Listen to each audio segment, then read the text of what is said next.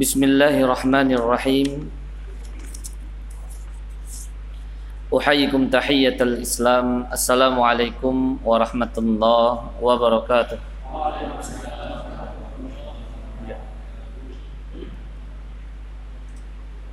الحمد لله رب العالمين إياه نعبد وإياه نستعين القائل في كتابه المبين لقد كان لكم في رسول الله أسوة حسنة لمن كان يرجو الله واليوم الآخر وذكر الله كثيرا. والصلاة والسلام على حبيبنا وشفيعنا ومولانا محمد المبعوث رحمة للعالمين القائل في حديثه إنما بعثت معلما ميسرا. wa ala alihi wa ashabihi wa atba'ihi ila yaumiddin amma. Bapak-bapak jamaah yang dimuliakan Allah, yang dicintai Allah Subhanahu wa taala, alhamdulillah pada hari ini kita masih berada di uh, pekan pertama ya dari bulan Muharram. Tentunya bulan Muharram ini adalah satu dari empat bulan yang Allah istimewakan di antara 12 bulan. Bahkan di dalam surat At-Taubah Allah tekankan perkara tersebut. Karena memang waktu ini adalah bagian dari kenikmatan yang harus kita upayakan dan kita isi dengan kebaikan-kebaikan yang menunjukkan bahwasanya kita punya tujuan yang besar. Kita punya tujuan utama dalam kita diciptakan oleh Allah Subhanahu wa taala yaitu untuk melaksanakan penghambaan. Dan di setiap bulannya ada kebaikan-kebaikan dari Allah Subhanahu wa taala bagi kita semuanya.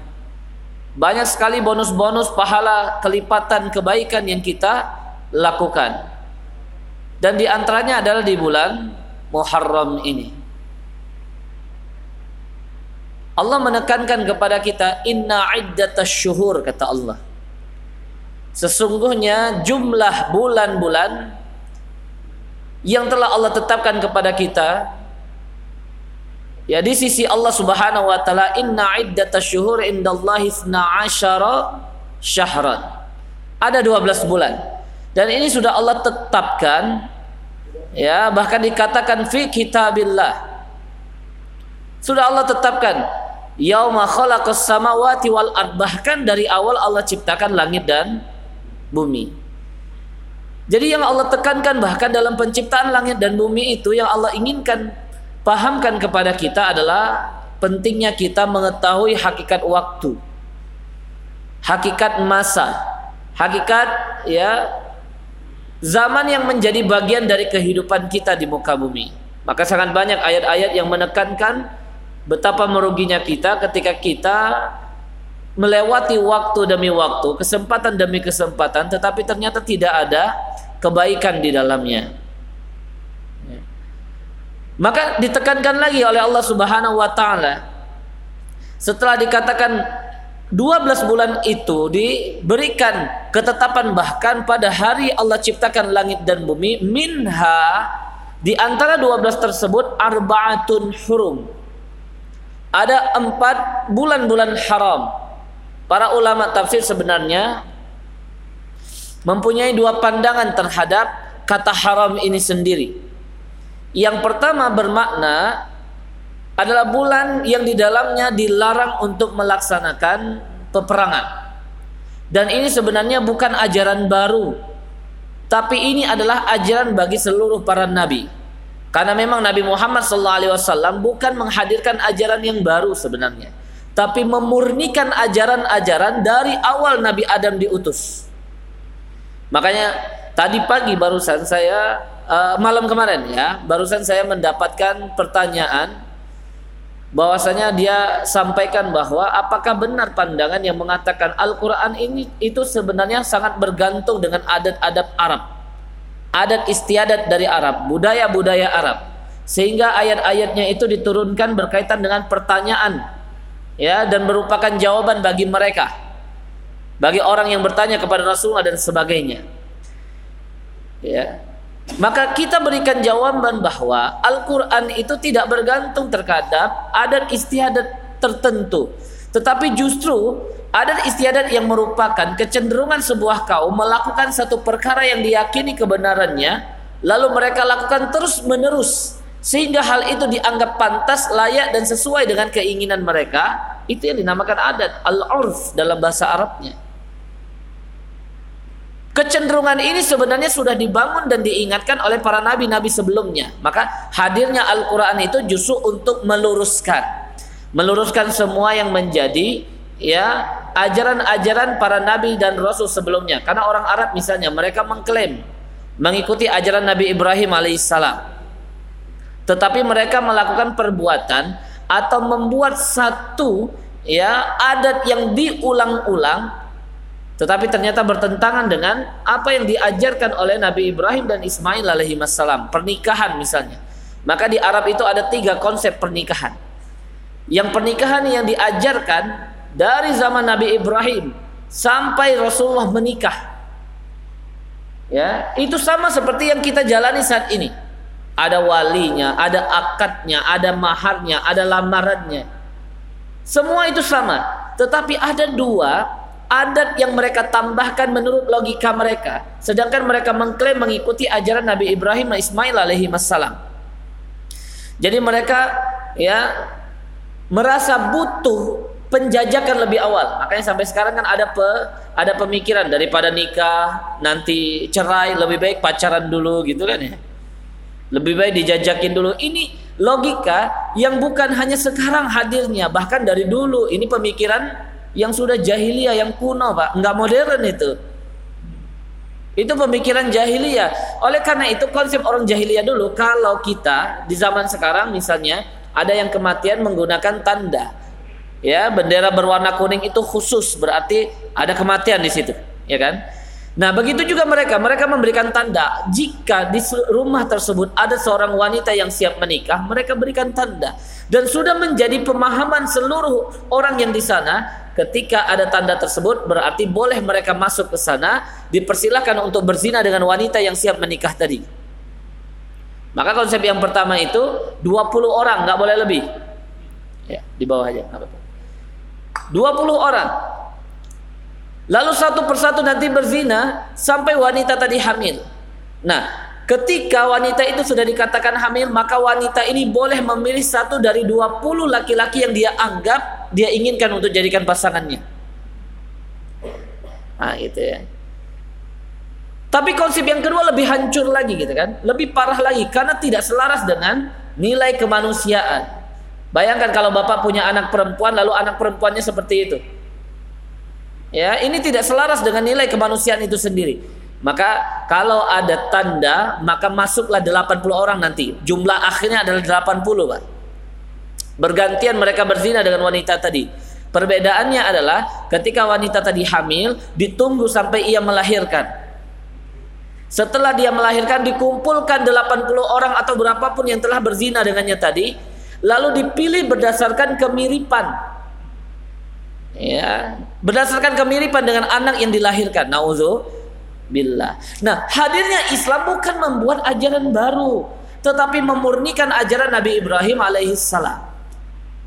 Ya Baik Bapak-bapak yang dimuliakan Allah, yang dicintai Allah Subhanahu wa taala, maka di, ditekankan oleh Allah Subhanahu wa taala empat bulan haram itu adalah bulan yang di mana Allah inginkan kita lebih fokus melaksanakan ibadah, mengevaluasi diri kita. Adapun yang kedua, menurut para ulama tafsir, al-haram itu artinya al-azim, suci, agung. Maka kita juga mengenal dengan kata Masjidil Haram.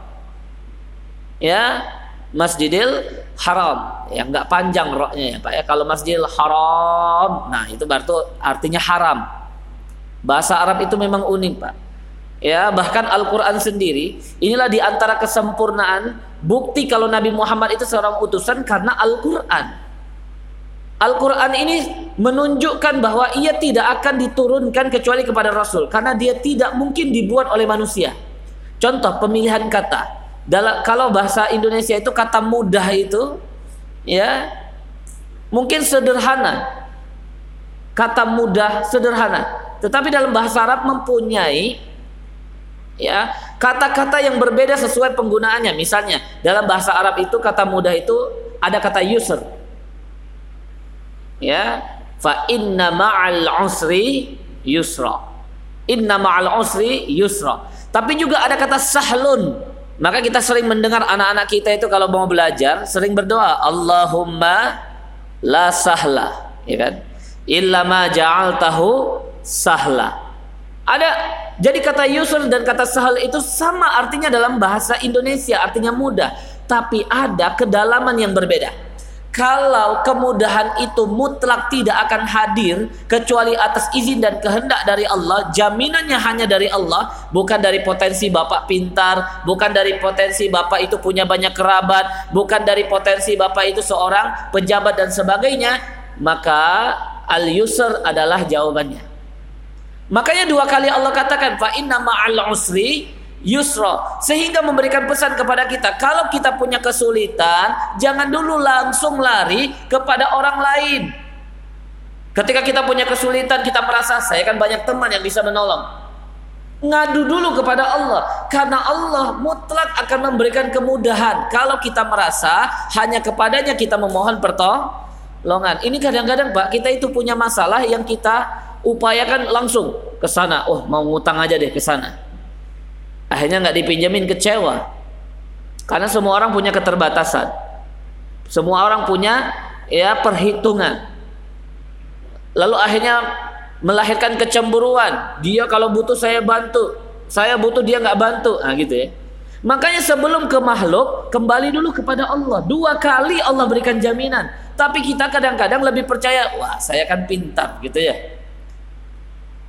Walaupun memang ada perkara, ada masalah yang dapat selesai dengan potensi yang kita miliki, maka itu menggunakan kata sahlun. Ya, inilah uniknya Al-Qur'an.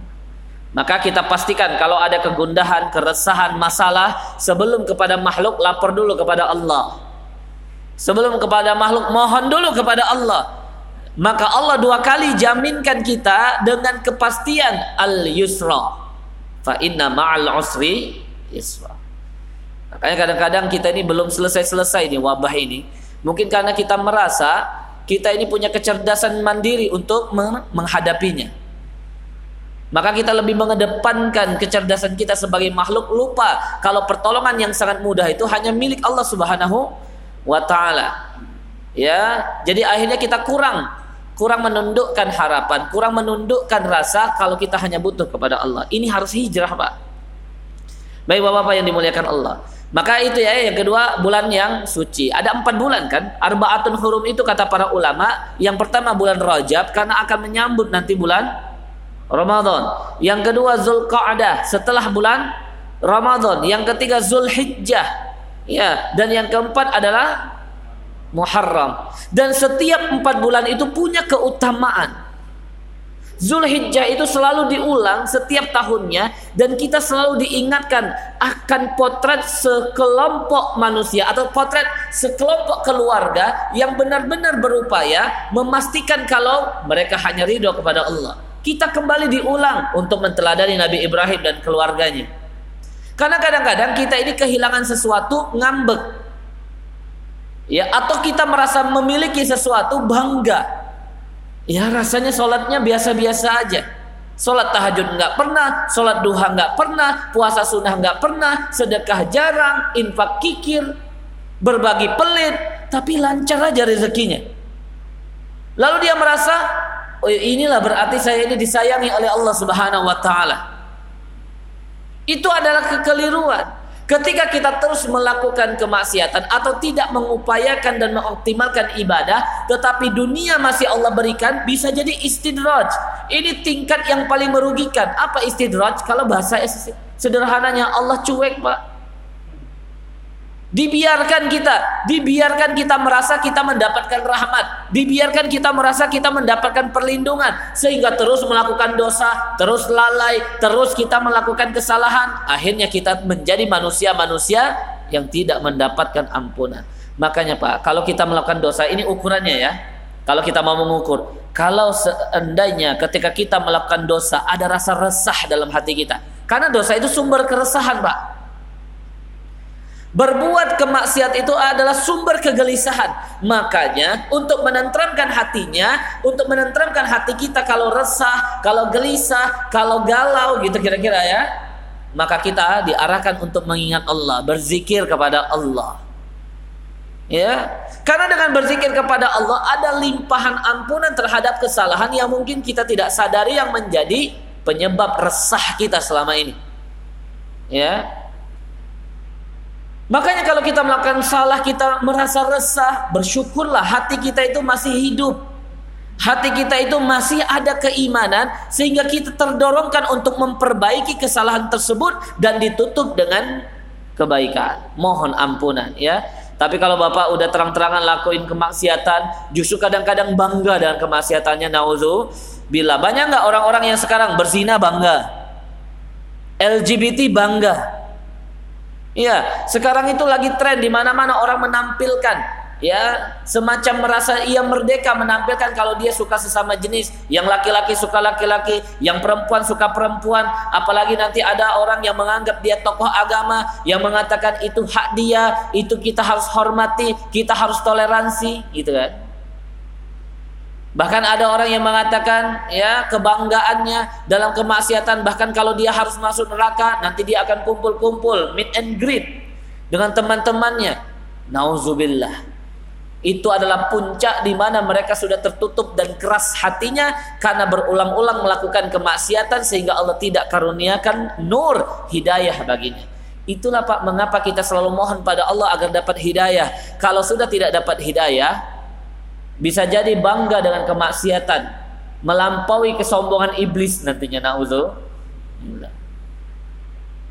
jadi bapak-bapak yang sering sholat ini nanti diketawain. Soalim gitu ya. Ibu-ibu yang paling pakai jilbab ngapain pakai jilbab kalau masih berbuat salah ya yang pertama kali harus dijilbabin itu hatinya, gitu kan? Ini adalah kata-kata yang diiringi dengan godaan syaitan agar kita tidak istiqomah dalam ketaatan. Lah kita saja sudah berupaya melakukan syariat Allah, masih bisa jatuh ke dalam kemaksiatan, apalagi yang tidak sama sekali. Bapak yang dimuliakan Allah Subhanahu wa taala. Maka bulan Muharram, kalau bulan Zulhijjah tadi dikenal ya agar kita kembali mengulang. Nanti setiap Idul Adha kita diingatkan bagaimana menteladani Siti Hajar, bagaimana menteladani Nabi Ibrahim, bagaimana menteladani Nabi Ismail, bahkan ya dikekalkan pelaksanaan ketaatan Siti Hajar. Ketika kita melaksanakan haji dan umroh Bapak selalu diingin diarahkan untuk melakukan apa yang telah dilakukan oleh Siti Hajar yaitu sa'i. Agar kita mengingat ini adalah hamba yang Allah berikan rahmatnya karena lebih mengedepankan keyakinan bahwasanya Allah tidak akan menyanyiakan ketika kita benar-benar berlepas ya Nah, karena itu yang harus kita lakukan saat ini adalah berhijrah. Momen Muharram ini adalah dikenal dengan momen kita diingatkan kembali akan satu ibadah yang dilakukan oleh para sahabat Rasulullah dan puncaknya adalah Rasulullah SAW yaitu untuk melaksanakan hijrah. Jadi kalau kita lihat hijrah ini sendiri ya terus akan relevan sesuai dengan kehidupan kita, Pak akan memberikan nilai-nilai dan pesan yang selalu kita butuhkan untuk menjalani sisa-sisa kehidupan kita. Apa yang dimaksud dengan hijrah? Hijrah itu memang ada dua makna. Makna secara maknawi, hijrah itu bukan berarti berpindah dari satu tempat ke tempat yang lainnya. Tetapi hijrah yang dicontohkan nanti kita sampaikan kisah-kisahnya ya. Dan lebih kita lengkapkan nanti ketika kita melanjutkan pembahasan sirah nabawiyah ya hijrah yang dicontohkan oleh para sahabat bahkan yang disampaikan oleh Rasulullah al muhajiru kata Rasul orang yang berhijrah itu hakikatnya manhajaro orang yang meninggalkan orang yang menanggalkan orang yang melepaskan dirinya manahallahu anhu dari semua yang Allah murka jadi kita harus berpikir positif bahwa kebaikan pahala dari Allah itu bukan hanya ketika kita melakukan ketaatan. Tapi juga ketika kita berupaya untuk mencegahkan diri kita dari kemaksiatan. Itu ibadah loh Pak. Bapak berupaya mencari nafkah yang halal agar terhindar dari yang haram ibadah. Menghindarkan diri dari yang haram itu ibadah sebagaimana kita mendapatkan sesuatu yang halal. Inilah Islam, ya. Maka hijrah yang sesungguhnya adalah ketika kita ingin berupaya menjadi pribadi yang lebih baik. Mencegahkan diri kita dari hal yang sia-sia di hadapan Allah karena Allah tidak menyukai Allah murka terhadap satu perkara yang sia-sia beramal tapi tidak ikhlas beramal tapi tidaklah ridho kepada Allah ya Makanya orang yang paling merugi sesungguhnya adalah ketika dia beramal bukan keimanan asasnya.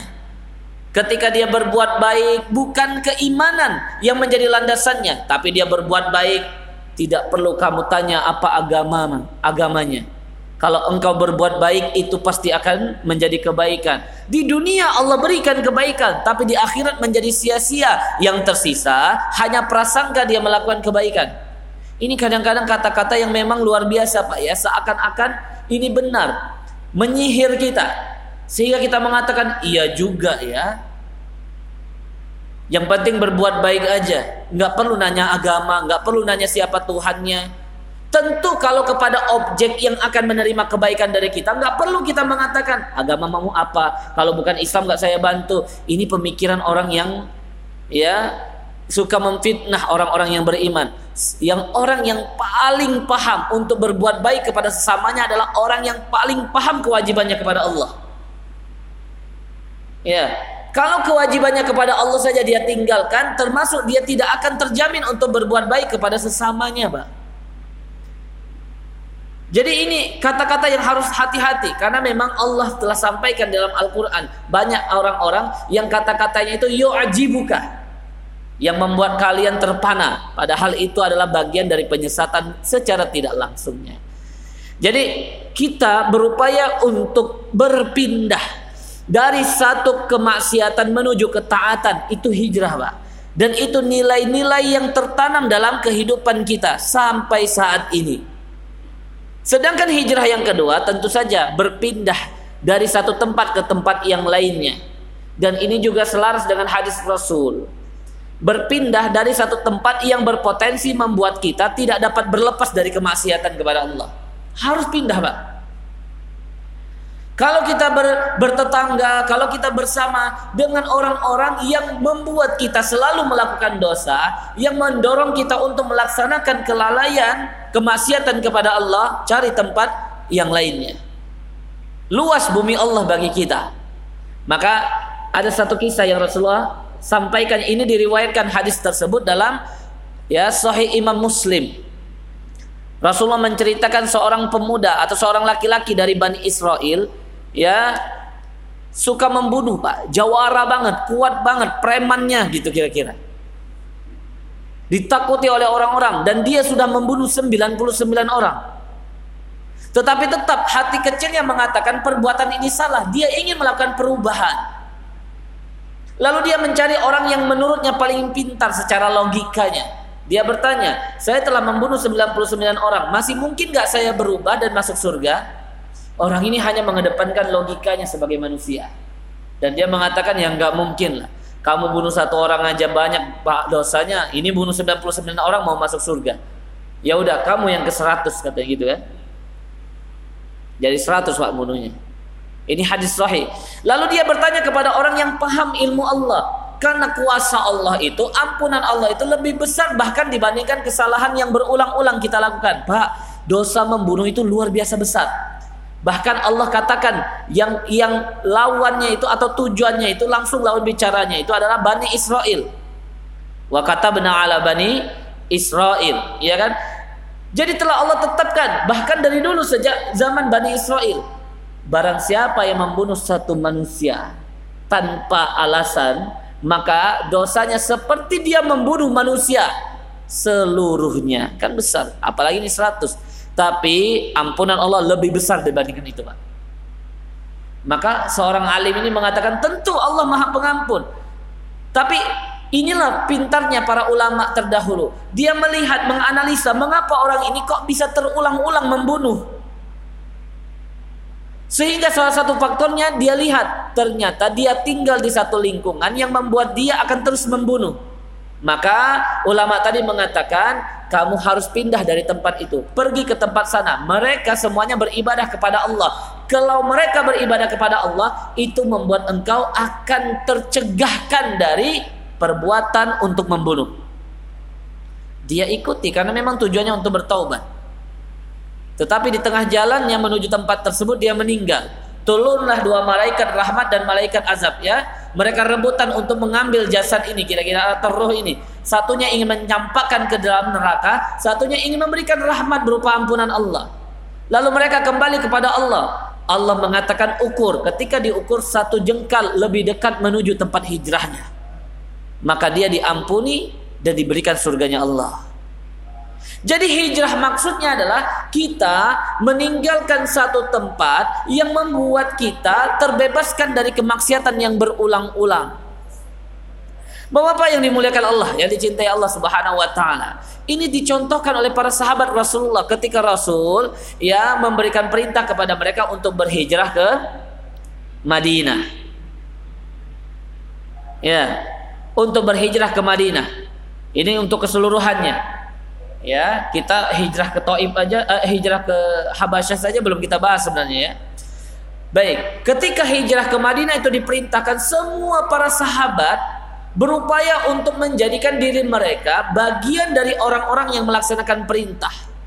Karena itu adalah perintah Allah dan Rasulnya maka itu nilainya adalah ibadah. Nah apa sih karakter-karakter yang mereka ya tanamkan sehingga kita dapat mengambil pelajaran dari sikap-sikap hijrahnya mereka.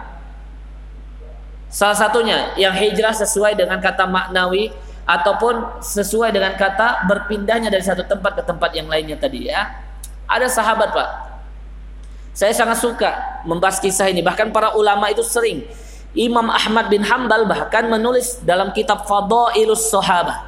Jadi Imam Ahmad bin Hambal itu Pak sebagai ahli hadis, beliau tidak hanya punya buku kitab musnad. Kita kan mengenal kitab musnad ya. Walaupun kita sulit mempelajarinya Pak, karena kitab musnad itu kitab awal yang mengumpulkan ya, hadis-hadis berdasarkan para sahabat. Jadi Bapak misalnya di bab pertama akan menemukan semua hadis yang diriwayatkan oleh Aisyah radhiyallahu anha. Di bab kedua semua hadis yang diriwayatkan oleh Abu Hurairah gitu ya. Jadi tidak berurutan berdasarkan tema Pak. Itulah musnadnya Imam Ahmad berapa jilid itu luar biasa. Ya, makanya para ulama kita dulu seperti Imam Ahmad bin Hambal ini luar biasa menghafal hadisnya luar biasa cepat. Ya.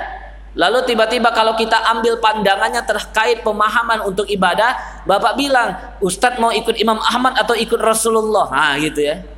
Ini adalah pernyataan yang tidak selaras sebenarnya. Ketika kita mengikuti pandangan Imam Ahmad bukan berarti kita tidak mengikuti Rasulullah. Justru kita mengikuti Rasulullah karena kita tidak bisa memahami secara utuh seluruh hadis-hadis yang menunjukkan hukum dari satu ibadah tersebut. Sedangkan Imam Ahmad dapat membantu kita.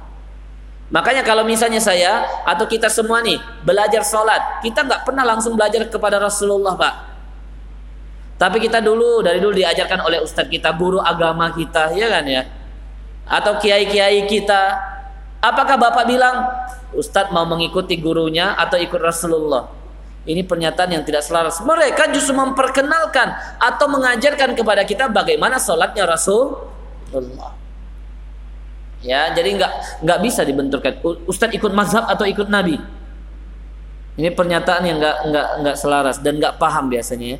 Ketika kita menyampaikan pandangan para ulama sekali berimam Syafi'i itu bukan berarti kita tidak ikut Nabi, tapi justru kita ingin paham berdasarkan pahamnya mereka karena mereka lebih paham terhadap hadis-hadis Rasulullah dibandingkan kita ini. Lalu kita sok-sokan kalau saya cukup Ustadz langsung Quran aja. Saya cukup Ustadz langsung hadis aja. Lalu kita tanya, hadis Bapak tahu dari mana? Apakah Bapak langsung mendengar dari Rasulullah? Enggak, saya tahunya dari Imam Bukhari. Imam Bukhari itu muridnya Imam Ahmad. Imam Ahmad itu muridnya Imam Syafi'i. Ya, baik. Saya kadang-kadang kalau menghadapi pertanyaan itu agak emosi Pak sebenarnya. Bapak-bapak yang dimuliakan Allah, yang cintai Allah Subhanahu wa taala. ada satu kisah yang dapat kita betul-betul upayakan dan terapkan ya dalam kehidupan kita. Suhaib bin Sinan Ar-Rumi atau Suhaib bin Sanan Ar-Rumi nama sahabatnya. Ini luar biasa, Pak. Sahabat yang luar biasa. Dia ini sebenarnya anak pembesar, lalu kampungnya itu ketika dia berumur lima tahun diserang. Ayahnya dibunuh, ibunya ditangkap dan termasuk dia. Akhirnya nanti di Romawi diperjualbelikan. Dia orang Arab aslinya tapi diperbudak. Pada akhirnya dia sampai ke Mekah lalu ya menjadi budak dari Bani Makhzum, bertemu dengan orang yang baik bernama Abdullah bin Juda'an. Kalau Bapak masih ingat dulu, nah ini dulu ya kalau masih ingat, Abdullah bin Juda'an ini adalah orang yang rumahnya digunakan untuk membuat hilful fudul. Masih ingat hilful fudul? Ketika ada Al-As bin Wa'il berbuat zolim kepada pedagang dari Yaman, ya lalu mereka dia, dia dizolimi pak. Barangnya diambil semua nggak mau dibayar. Karena tradisi waktu itu mengatakan kalau barang itu berpindah dari satu kendaraan ke kendaraan yang lainnya berarti udah selesai ya transaksinya. Jadi harusnya transaksi selesai dulu jual belinya ya pembayarannya selesai baru dipindahkan barangnya. Karena kalau barangnya sudah berpindah ke kendaraannya berarti udah selesai. Pintarnya Al As bin Wa'il itu udah udah pindahin dulu. Setelah dipindahin nggak mau bayar dia. Bapaknya Amr bin As. Kalau kita sangat mencintai sahabat Rasulullah Amr bin As karena kecerdasannya. Tapi bapaknya itu termasuk bahkan para ulama mengatakan dia itu ateis yang tidak yang tidak percaya akan konsep ketuhan dan dan hari pembalasan. Ya. Jadi rumah Abdullah bin Jud'an ini Pak yang digunakan untuk ngumpulnya orang-orang al-fudul, orang-orang yang baik untuk melakukan pembelaan. Jadi aktivisnya kira-kira kalau dulu ya. Kalau bahasa sekarang kerennya aktivis gitu Pak ya. Yang membela kebaikan dan di antaranya ada kader muda, nah, ya, aktivis muda pada pribadi Nabi Muhammad Sallallahu Wasallam. Nah Abdullah bin Jud'an itu ngambil uh, Suhaib bin Sinan Ar-Rumi ini bekerja dengan orang baik, sedangkan Suhaib ini juga orang yang baik. Dia berbuat jujur, dia bekerja dengan jujur. Akhirnya kejujurannya itu membuat dia dibebaskan dari perbudakan dan dimerdekakan oleh Abdullah bin Juda'an. Bebas dia. Lalu bahkan tidak hanya dibebaskan, diberikan modal. Dengan keahliannya dalam berdagang, akhirnya dia menjadi orang yang kaya raya, Pak. Tapi dia tidak pernah terhalangi keinginannya untuk menerima keimanan, untuk menerima ajaran dari Rasulullah SAW. Dia masuk Islam dan menyatakan syahadatnya di rumah Arqam bin Abil Arqam. Ini orang kaya raya. Ya, jutawan lah kalau sekarang. Saudagar yang kaya raya. Nah, puncaknya adalah ketika hijrah. Dia termasuk sahabat yang tidak mau melewatkan momen ini. Ini ibadah. Kalau ini ibadah, perintah Allah, maka mereka tidak ingin untuk menyia-nyiakannya. Lalu apa yang terjadi? Abu Jahal waktu itu yang dipim, yang memimpin pasukan langsung ketika melihat ya Suhaib bin Sinan Ar-Rumi ini ingin melakukan hijrah, maka dia langsung halangi. Ya, sebagaimana sahabat yang lain ada yang ditangkap, ada yang dipenjarakan, ada yang diculik, ada juga yang dipisahkan antara satu dan yang lainnya dari keluarganya. Suami dipisahkan dari istrinya seperti Abu Salamah dan Ummu Salamah itu dipisahkan Pak. Bahkan dengan anaknya juga Terpisah mereka. Tapi tidak menghalangi mereka untuk hijrah. Karena mereka lebih mengedepankan perintah Allah Bahkan dibandingkan diri mereka sendiri. Suhaib bin Sinan Ar-Rumi ini termasuk orang yang mendapatkan ujian Abu Jahal mengatakan Eh kamu Kamu itu cuma budak dulunya hamba sahaya, suku kami yang membebaskan engkau, lalu engkau menjadi orang yang kaya raya, lalu engkau sekarang ingin pergi membawa harta-hartamu, tidak akan kami biarkan. Ya. Apa yang terjadi? Suhaib ini justru membuat satu pemikiran yang luar biasa. Dia menjadikan harta yang selama ini dia kumpulkan, yang menjadi nilai kebanggaan, ya justru menjadi sarana untuk melakukan ketaatan bukan menjadi penghalang dalam ketaatan. Dia jadikan itu sebagai alat tukar pak. Sebagai alat tukar perdagangan antara ya dia bayarkan seluruh hartanya tetapi dia beli jaminan keamanan dia dapat hijrah dengan aman. Lalu dia mengatakan ini Imam Ahmad itu mengutipkan perkataannya melakukan negosiasi dengan Abu Jahal dengan mengatakan aroa itu. Nah, ini saya punya pandangan nih. Aroa itu, saya punya pandangan. In ja'altu lakum mali. Gimana kalau saya serahkan seluruh harta saya untuk kalian semua? Saya tinggalkan dan saya berikan harta saya untuk kalian semua. Amukhalluna antum sabili. Maukah kalian membiarkan aku untuk tetap hijrah ini? Oh Abu Jahal merasa sukses ya kan Mbak Kan itu yang diharapkan, yang diharapkan. Dia mengatakan tentu, silakan. Akhirnya diberikannya. Jadi hartanya itu menjadi alat tukar agar dia dapat ibadah, bukan menjadi penghalang sehingga dia tidak bisa beribadah. Ya, sehingga ketika dia sudah ya hijrah lalu nanti bertemu dengan Rasulullah sallallahu alaihi wasallam. Pada akhirnya ketika Rasulullah hijrah nanti bertemu dengan Rasulullah dia menyambut karena sangat rindu kepada Rasulullah, bertemu akhirnya di Kuba, disambutnya. Kuba dulu belum masuk Madinah, Pak. Kalau sekarang kan sudah masuk Madinah ya. Dulu belum. Rasulullah ketika pertama kali bertemu dengan Suhaib itu mengatakan, "Rabi halbai ya Aba Yahya." Abu Yahya itu panggilan untuk Suhaib. Untung sekali perdaganganmu wahai Abu Yahya. Ya, Suhaib bingung. Ini siapa yang ngasih tahu? Gak ada yang dikasih tahu oleh Suhaib. Bahkan sampai hijrah pun gak pernah. Ya, mungkin ngobrol-ngobrol. Loh, kok kamu bisa eh, hijrah dengan gampang? Gak pernah diceritakan. Kalau dia menukarkan seluruh hartanya, yang penting dia terjamin hijrahnya aman. Maka Rasulullah mengatakan Jibril yang menyampaikan kepadaku. Lalu Allah turunkanlah ayat Al-Quran wa minan nas may yashri nafsahu batigha'a maradatillah wallahu raufun bil ibad. Dan di antara manusia may yashri ada yang menjual ada yang menukar dirinya bahkan ya untuk tetap ibtigha amardatillah mengharapkan keridhaan Allah. Dapat melakukan ibadah dia tukar dirinya dia tukar anaknya dia tukar keluarganya bahkan dia tukar nyawanya yang penting dia masih dalam jalan ketaatan kepada Allah Subhanahu wa taala.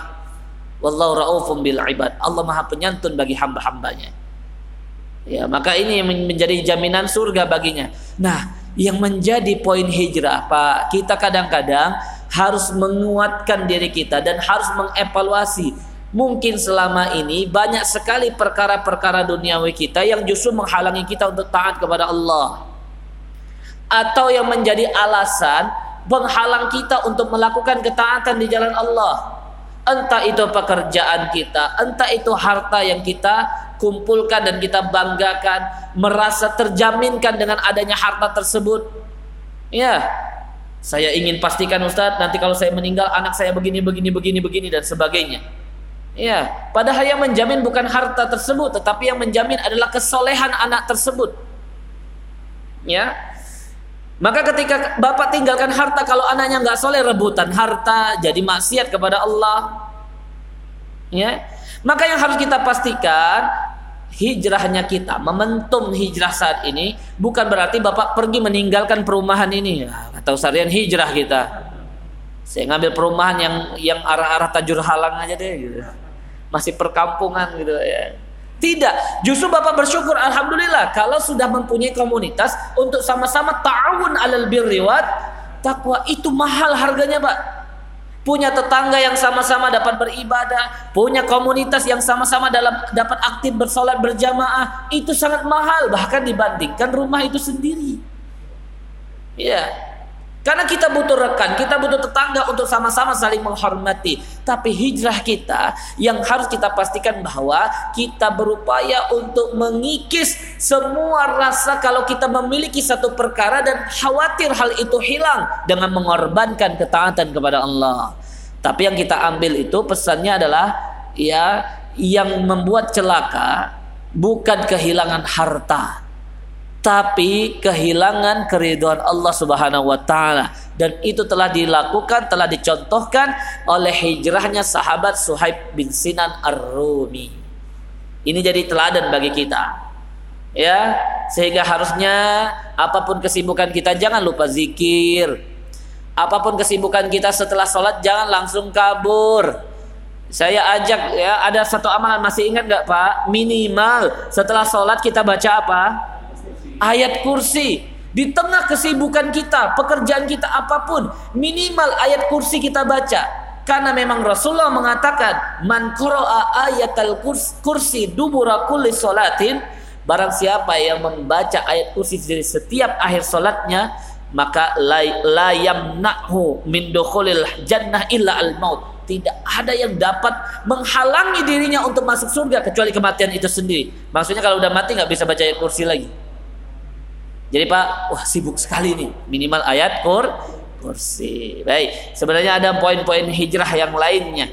Tapi insya Allah ini yang harus kita mulai ya. Semoga saja apa yang kita miliki, rumah kita, keluarga kita justru kita jadikan sebagai sarana untuk taat kepada Allah. Istri jadi partner ibadah di jalan Allah. Anak jadi ya jadi bagian dari keinginan kita untuk membuat setelah wafatnya kita mengalir pahala-pahala keba ikan karena saya lupa nama ulamanya. Ya beliau mengatakan seperti ini pak. Orang yang beruntung itu adalah orang yang ketika wafatnya ketika umurnya berakhir tapi pahala kebaikannya terus mengalir. Berarti dia mendapatkan amal jariyah dan orang yang akan melanjutkan kebaikan dan mencatatkan kebaikan bagi bapak-bapak semua adalah anak-anaknya Anak-anaknya akan mengajarkan sebagaimana Bapak mengajarkan dirinya kepada anaknya yang menjadi cucu bagi Bapak terus yang akan melahirkan amal-amal jariah yang tidak berakhir. Maka jangan sampai napas kita berakhir dan amal kita pun berakhir. Tapi harapannya ketika kita ajalnya sudah berakhir, sudah tiba, sudah diwafatkan oleh Allah, tapi kita masih punya amal jariah yang terus mengalir. Itu yang harus kita berhijrah. Ya, Allahu a'lam bissawab. Saya doakan Bapak-bapak semoga istiqomah. Semoga kita terus bersama-sama dapat berupaya saling mengingatkan dalam ketaatan di jalan Allah. Semoga Bapak-bapak semuanya DKM ya jamaah ya mendapatkan hidayah dari Allah sehingga dapat terus sampai akhir hayatnya lalu dijadikan orang-orang yang soleh dan husnul khatimah. Amin ya rabbana ya rabbal alamin. Allahul muwaffiq ila. Semoga bernilai dan bermanfaat bagi kita. Wassalamualaikum warahmatullahi wabarakatuh.